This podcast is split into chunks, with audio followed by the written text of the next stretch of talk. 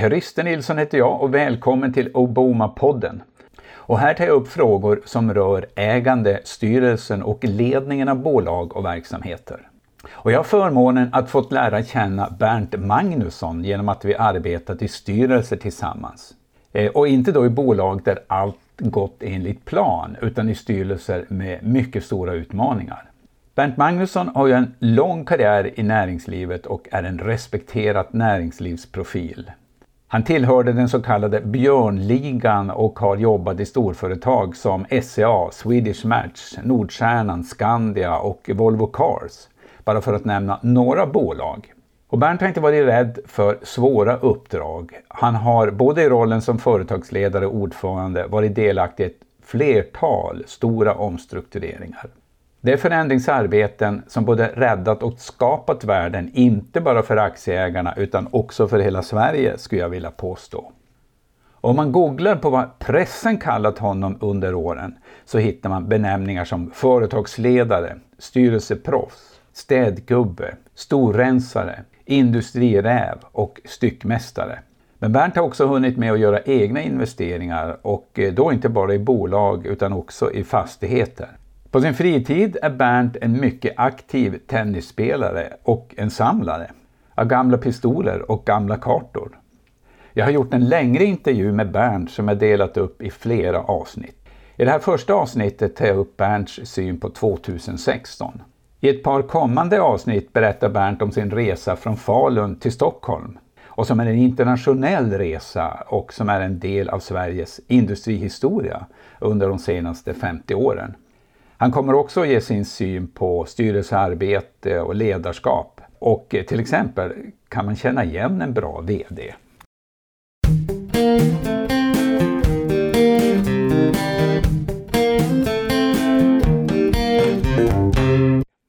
Jag vet ju att du med stort intresse följer både politisk och ekonomisk utveckling, både nationellt och internationellt.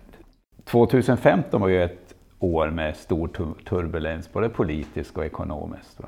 Och nu är vi en bit in i februari och en bit in i 2016. Hur kommer 2016 att bli, tror du Bernt? Ja, det korrekta svaret är ju att ingen vet. Men jag måste säga att personligen så känner jag mig ganska okomfortabel just nu. Mycket av det jag ser och hör, det påminner om tiden strax före finanskraschen 91-92.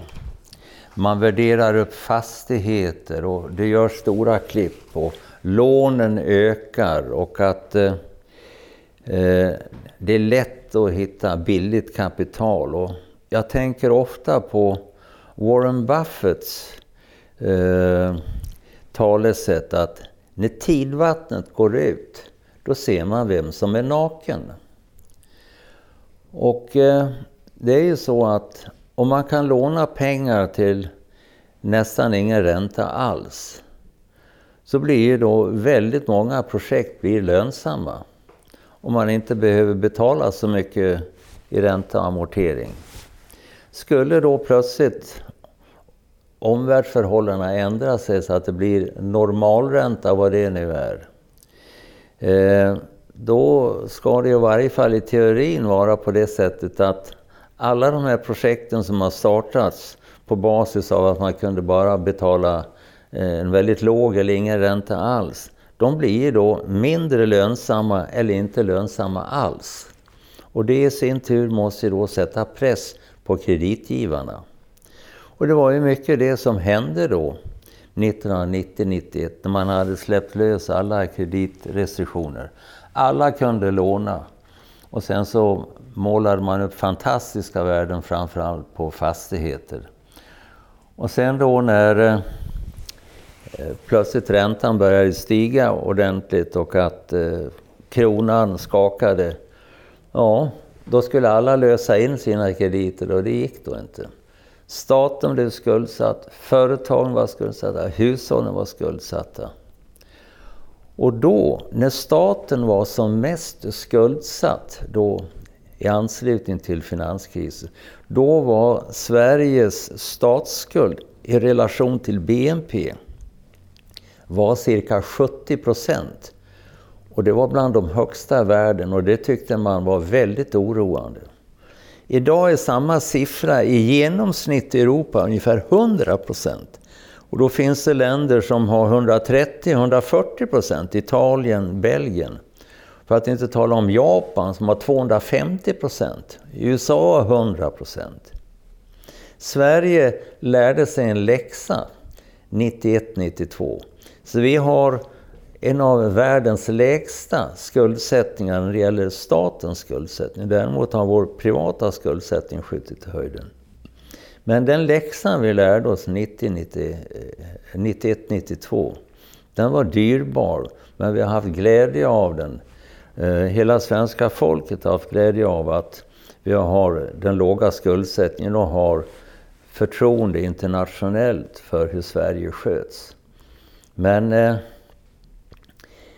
det går ju väldigt fort med den privata skuldsättningen här och den här fastighetsbubblan eller eventuella bubblan, den diskuteras ju dagligen i, i tidningarna. Och när jag ser här i Stockholm hur restaurangerna är fulla och det är svårt att hitta bord även om man är ute flera dagar i förväg, då tänker jag ofta så här att här sitter nu en stor del av svenska folket och äter och dricker upp det de egentligen borde ha betalt i ränta och amortering på sina bostadslån. Summa summarum, alltså, jag känner mig väldigt okomfortabel. Och det är kanske en åldersfråga men jag har blivit väsentligt mer riskaversiv med åren. Och det som händer nu det har rätt stora liknelser med den atmosfär jag upplevde då innan det small i början på 90-talet. Vem, vem tror du blir president i USA? Ja, eh, om jag skulle eh, ta ett bett just nu så, så tror jag faktiskt att det blir Hillary Clinton. Eh, alla minoriteterna i USA i stort sett kom och rösta på henne. Eh, Donald Trump och Bernie Sanders, eh, även om de har ett visst stöd nu, så tror jag när det kommer till den stora massan så, så tror jag man ändå vill ha någon mer konventionell ledare. Eh, jag tror när frågan ställs på sin spets så är man kanske inte mogen för Donald Trump eller Bernie Sanders. Vi, vi får väl se fram i november, Bernt. Time will tell.